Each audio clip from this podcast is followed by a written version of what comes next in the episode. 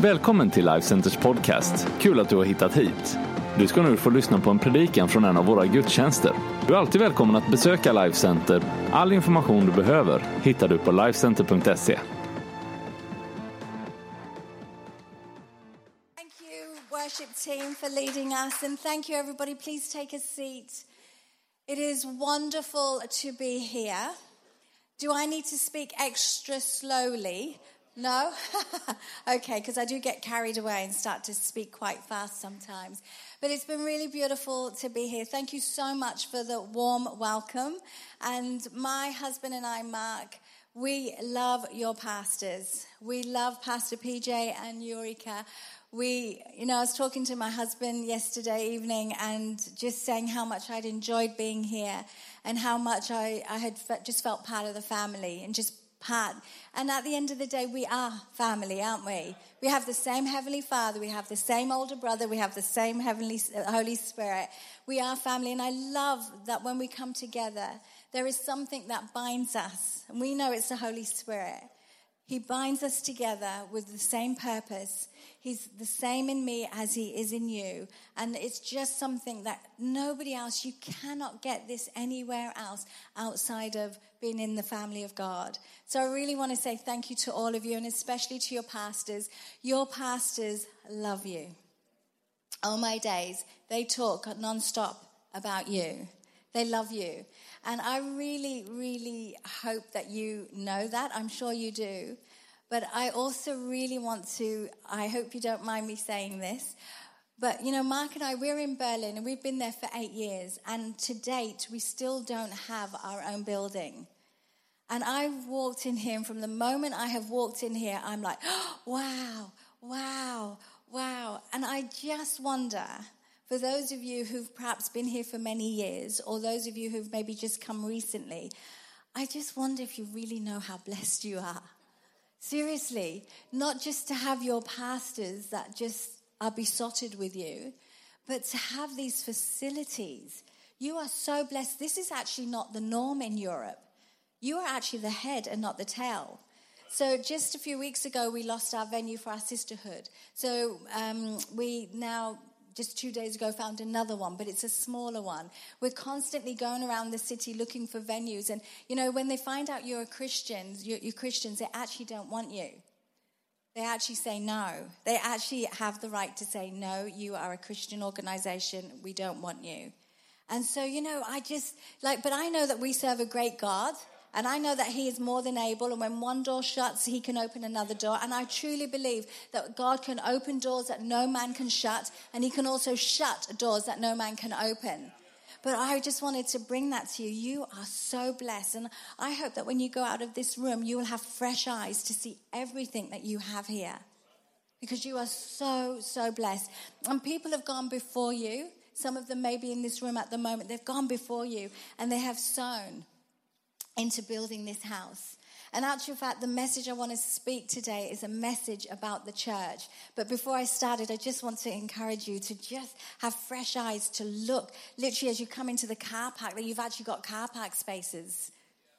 On my days.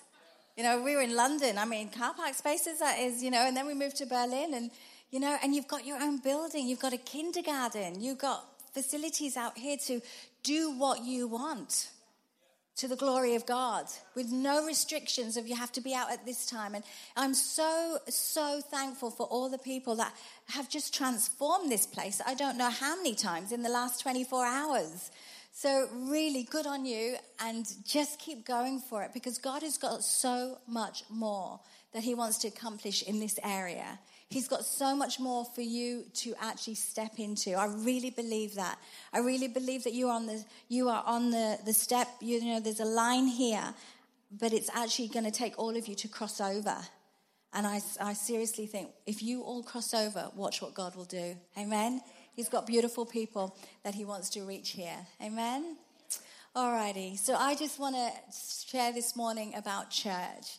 You know, I am from a Christian family. My parents took me to church when I was four days old. I was the third of four children. They didn't take me to church when I was four days old because it was the easiest thing to do. There was a lot of organizing for my dear mother. They didn't take us to church because the weather was good or they didn't keep us home because the weather was bad. They just took us to church every single Sunday. They had a value for the house of God that went beyond preference. It was an absolute conviction. And so that was my story. You know, if it were, if we were sick, we went to church so that the elders could pray for us. If we were well, we went to church. So that was the value that I grew up with. So I didn't really know any different than just being brought up in the house of God. So although my parents didn't necessarily articulate the importance of church, they definitely demonstrated it to us that church was vital. Church was important. So, from a little one, fast forward to 33 years of age. And when I was 33, Mark and I moved from England to Australia to go to Hillsong Bible College. And one of our lecturers was a, a, pastor called Donna Crouch. And she came into our lecture room one day with a big dartboard. You all know the big dartboards? She came in with a dartboard and she put it on the back wall. And I thought, hmm, this is going to be an interesting lecture. She put it on the back wall, and then she proceeded to read the portion of scripture that I'm going to read to you now that's going to come up on the screens. And it's actually Ephesians 1, and it's in the message translation. And this is what Donna read that morning. She read, All this energy issues from Christ. God raised him, Christ, from death and set him on a throne in deep heaven, in charge of running the universe. Everything from galaxies to governments, no name and no power exempt from his rule. And not just for the time being, but forever. He is in charge of it all, has the final word on everything. Then she went on to say this. She said, At the center of all this, Christ rules the church. So, all the galaxies, all the amazing things that He has created, right at the center of it, He is in, at the center of all of this, Christ rules the church. The portion of scripture in the message translation goes on to see the church you see is not peripheral to the world. The world is peripheral to the church. The church is Christ's body in which he speaks and acts, by which he fills everything with his presence. And with her doing that, she closed the Bible, she got the dart that was in her hand, and she went and pierced it right in the bullseye of the dartboard. And she said, That is the church, and the dartboard is the world. The church is central to the universe, not peripheral. And that's what I want to really encourage you today. What we are doing here is not peripheral, it's not just a side note, it's not just a little Sunday activity. What you are doing here and now is central to the universe. This is Christ's plan for humanity. The church is not peripheral, it's not irrelevant, it's central. It's actually the other way around. The world is not central, the world is peripheral.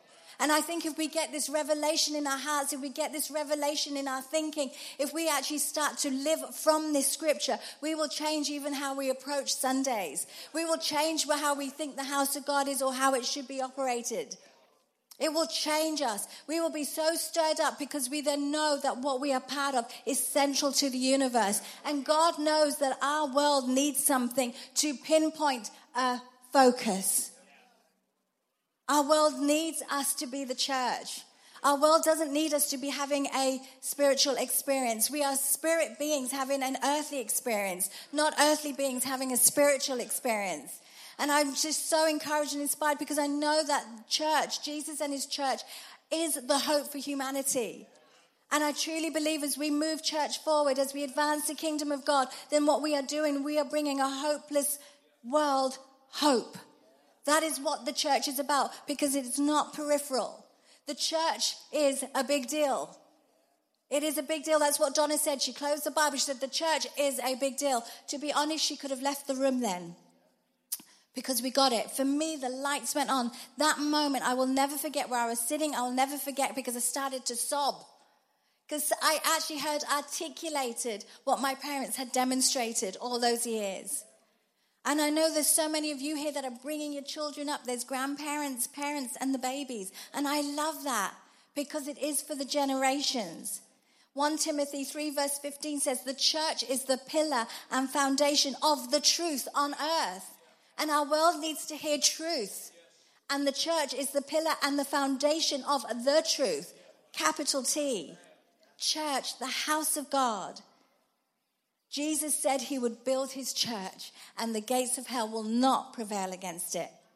God's eyes are on his church, and his heart is in his church. The first time we hear the Bible, the, church, the house of God being mentioned, it says that God's heart is in it and his eyes are on it. That means it's important to him. It's his church. And so, what I want to do now is I just want to read a scripture in Psalm 92, verses 12 to 14, that talks about the beauty and the power of being planted in the local church. In Psalm 92, it goes on to say, The righteous shall flourish like a palm tree. They shall grow like a cedar in Lebanon. Those that are planted in the house of the Lord shall flourish in the courts of our God. This isn't, just, this isn't something that your pastors have asked me to speak about because I want to, you know, this isn't something that as a pastor I'm speaking about. This is the word of God. And I'm just bringing truth from the Word of God so that we can be encouraged and inspired to step up and be all that He has called us to be. Amen? It says in the Word of God that those that are planted in the house of the Lord shall flourish in the courts of our God. And I love this. They shall still bear fruit in old age. Yay! Everybody over 50 said, Yay! I'm over 50, so I love this. It says they shall be fresh and flourishing. How marvelous does that sound? And can you imagine if the church was living like this, how attractive we would be to the lost and the broken? Not because we're not going through what they are going through, but because we're planted in the house where we're receiving nourishment and we're receiving goodness for our soul and we're being strengthened to actually look beyond the circumstances and look to the author of our faith, Jesus Christ Himself. Amen? So, what I want to do, just in these moments that we have, is I actually just want to break these, this scripture down. Because that's something that really helps me marinate through a scripture and meditate on a scripture. So, let's just do a, a little bit of digging deep into some of these words, if that's okay. So, the righteous shall flourish. The righteous, the righteous, what does that mean? Sometimes we think that means something that I have to do. But our righteousness is not based on what we do, it's based on what Jesus Christ has done. You know, I grew up in a, like I said, I grew up in a Christian home, and you know, I have always loved the house of God. You know, I, have I've never strayed away from Jesus. I've always loved Jesus. Um, I've always been in the house of God, and that's not the cleverness of me. That's actually the grace of God. You know, I, I just, I often say the grace that kept me is the grace that saved my husband because he was from an ungodly background and we found each other in church. Best place to meet your partner in the house of God. So, but even my righteousness, you know, you know, I think that probably the worst thing I did was go to a disco without telling my mother and father back in the 70s. In the, but you know what? That is like filthy, dirty, dirty, stinking, rotten rags in front of Christ. That's what it says. Our righteousness like filthy rags. So I don't come to God in my own righteousness because I haven't strayed away from him. No, that means nothing. I come to God because of Jesus. And when I come before him, I come boldly before him because I have been washed clean. My filthy rags, though my sins were red as crimson, he has washed them whiter than the snow. Amen? Amen? And then you get my husband who came from this kind of crazy, crazy environment. But it's the same blood of Jesus and it's the same grace. Amen? It's the same blood and it's the same grace. It's the same goodness of God and His love that brings us home and keeps us home. So, our righteousness, and I love it because of Jesus Christ, we can come boldly. You know, we've got an expression in England that says, I'm going to call on so and so, which means I'm going to pop in and see them. And you know, I would love to say that I could go and call in on the Queen at any given moment, but alas, I cannot do that. You have to make an appointment, or you have to be invited, actually. But you know what I love? As much as I'd love to, to meet the Queen, I love that I can go before the Creator of heaven and earth 24 7 when I'm at my best, when I'm at my worst, I can run in confidently because it's not based on me, it's based on what Jesus Christ has done for me. And it's the same for you, amen? It's the same for you, amen. The beautiful, beautiful blood of Jesus, the wonderful blood of Jesus. I pray we'll never, never lose sight of that sacrifice that He made for us. He left the splendor of heaven, the worship of angels. He completely changed heaven. He came to the world He created that actually put him on a cross. He went to hell because he took the sin of the world on him and he conquered hell, death, and the grave for you and for me. For you and for me. He rose victorious. Death has lost its sting. Amen. You know, my father passed away a few years ago, and I'll tell you what, the reality of heaven got so much stronger. So much stronger. And every time I would feel sad that dad was not here, I would start to remember what Christ did and how our future was together. And I find myself praising Jesus. You know, you focus on him and keep him center, he can lift you out of the things that can actually drag you down. But in any case, the righteous shall grow, which means mature. Shall mature. And just like natural children mature and grow, that's what you and I are supposed to do. We're supposed to mature. And oftentimes we can actually have given our lives to Christ, but we don't mature. You see, maturity doesn't come because of age. As far as I'm aware, the only two things that improve with age are wine and cheese. I have never necessarily seen a person improve with age unless they have actually developed character. And God is saying that we can mature. When we are planted in the house of God, we can mature because there's a pattern of sound teaching in the house of God. It's, you know, the songs we've sang today, they're full of the word of God. They're not little, little ditties and lyrics. They are full of the word of God. And if you've come in with a heavy heart and you just start to praise and worship God, you can be lifted up and out of how you're feeling just during the praise and worship. But it's how we come in. Are we coming into the house of God expectant? Are we coming into the house of God expecting to grow and mature, having one thing that's going to capture our hearts today that we can take into our week? That's how we mature. We mature when we actually start to walk in the revelation of who we are in Christ Jesus. That we are loved, that we are valuable, that we are forgiven, that we are righteous. When we start to mature in who we are, and you know, any opportunity that you get to actually be together, to, to learn more, just take it. Just take it. Because it's going to be good for you. It's going to be better for you. Even if you're feeling tired and a bit worn out, no, if there's something on where you're going to learn more about the truth of God's word and that you'll be able to apply to your life, just get there. It's going to build your life, it's going to make you strong, it's going to mature you. Amen? So it goes on to say that they shall mature. And this, I love this. It says, they will grow like a cedar in Lebanon. They shall grow like a cedar in Lebanon. Those that are planted in the house of the Lord shall flourish in the courts of our God. The righteous shall flourish like a palm tree. They shall grow like a cedar in Lebanon. So I pretty much asked myself, what's all, what's this about, this cedar of Lebanon? If God has actually said cedar of Lebanon, there must be something about this tree. So I became a Cedar of Lebanon nerd. and I, did, I watched documentaries on it. I watched CNN programs on it. I read up about it. And there is something about this tree that is really powerful that I want to bring to you because it parallels to our lives if we are planted in the house of God. So do you want to know what it is? Radio. Well, then I'll tell you. you know, the NIRV version says, The cedar trees of Lebanon belong to the Lord. He planted them and he gave them plenty of water. So it's a different version of the same scripture. And in this scripture, it talks of plenty of water. Well, you and I know that for trees, etc., to flourish and to thrive, they need water. So water here is indicative of nourishment. Nourishment. And you know, our nourishment, your nourishment, my nourishment, it doesn't just come from natural food. Our spiritual nourishment comes from being in Christ. Our spiritual nourishment comes from our relationship with Jesus Christ. Because whenever we see water in the Bible, it's normally indicative of the Holy Spirit.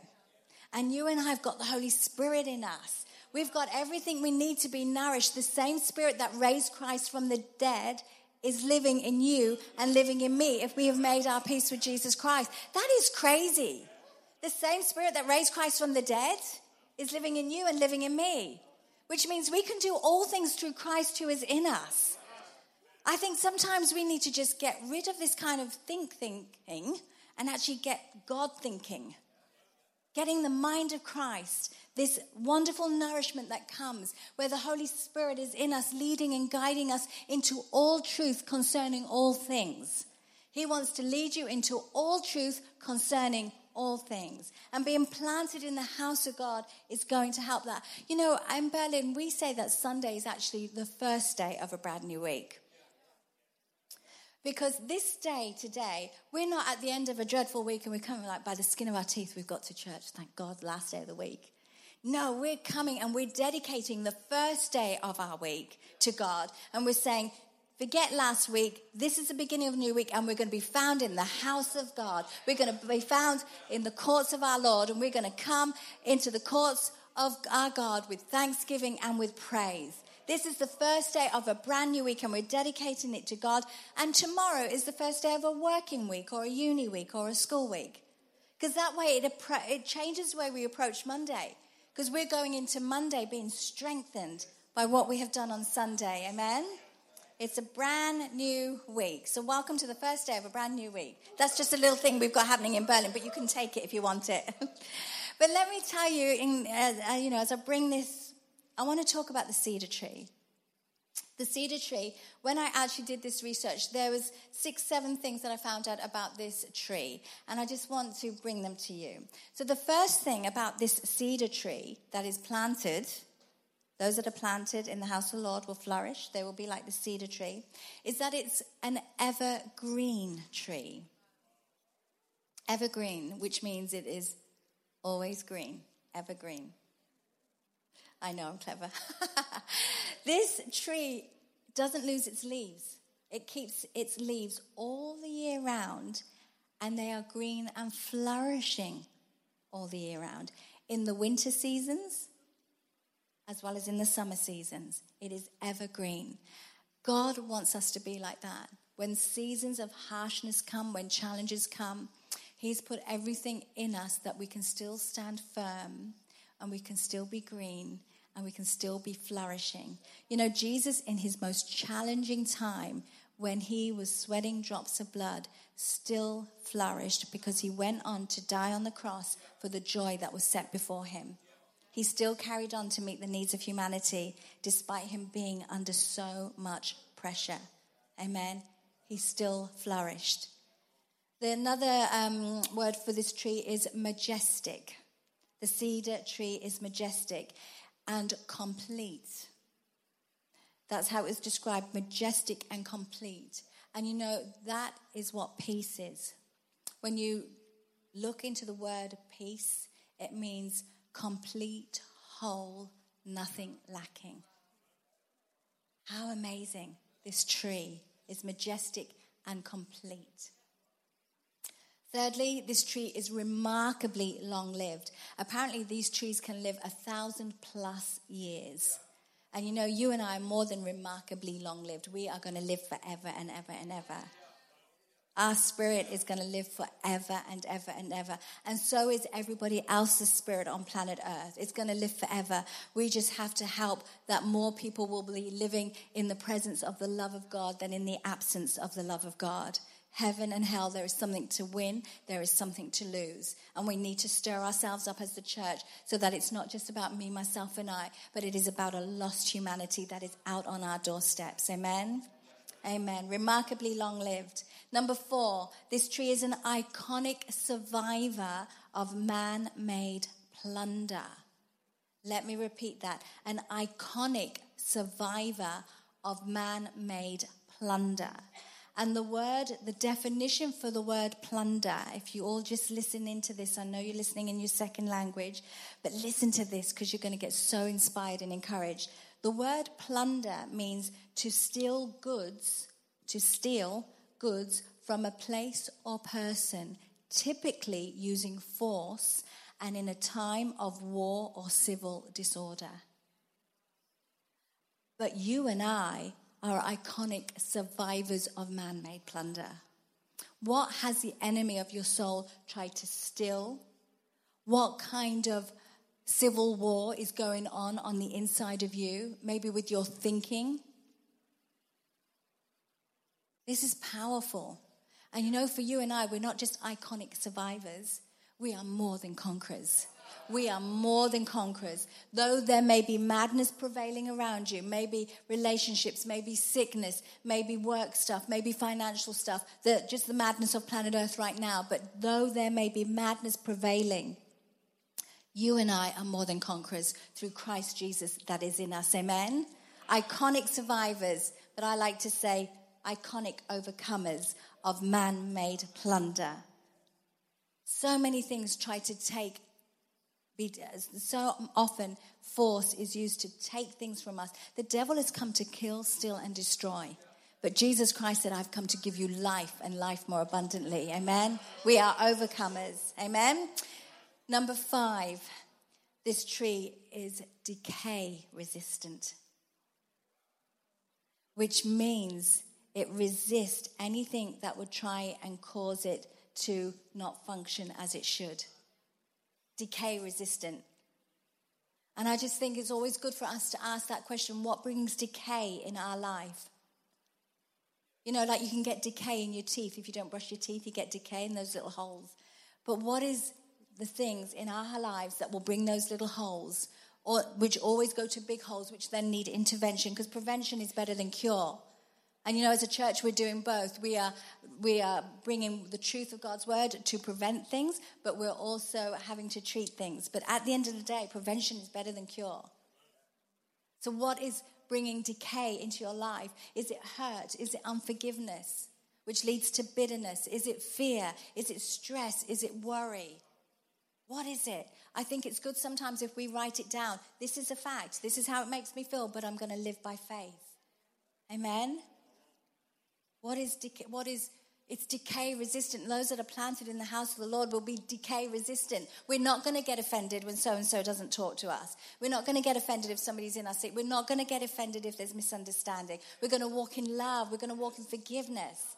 You know, I live in a house with four humans and two dogs, and we can miscommunicate, and we can disappoint each other, and we can hurt each other, and we can offend each other. And that's just four of us. How much more so in this bigger body of Christ? It's all going to happen, but we've got to choose now that we're going to be decay resistant because we can be decay resistant. It is a choice. Just like it's a choice to brush your teeth, it's a choice to be decay resistant. Amen? Amen. And then the last one no, actually, no. The sixth one is that it's a sweet scented wood. One of the documentaries that I um, watched, they were literally going up and smelling the tree, so much so that one of the cameramen, he put his camera down just so that he could go and smell the tree because it was a sweet scented wood. And you know, our lives carry a smell. Our lives carry a smell. And is it going to be a sweet smell or is it going to be an unpleasant smell? You know, I'm an, I've got an Indian background. I know you thought, oh, really? I never didn't realize that. But, um, and I love curry. I do. I love curry. And you, we all know that curry smells, yeah? But I take it a whole nother level. I love fish curry. Yeah, yeah, this is a whole nother level of smell.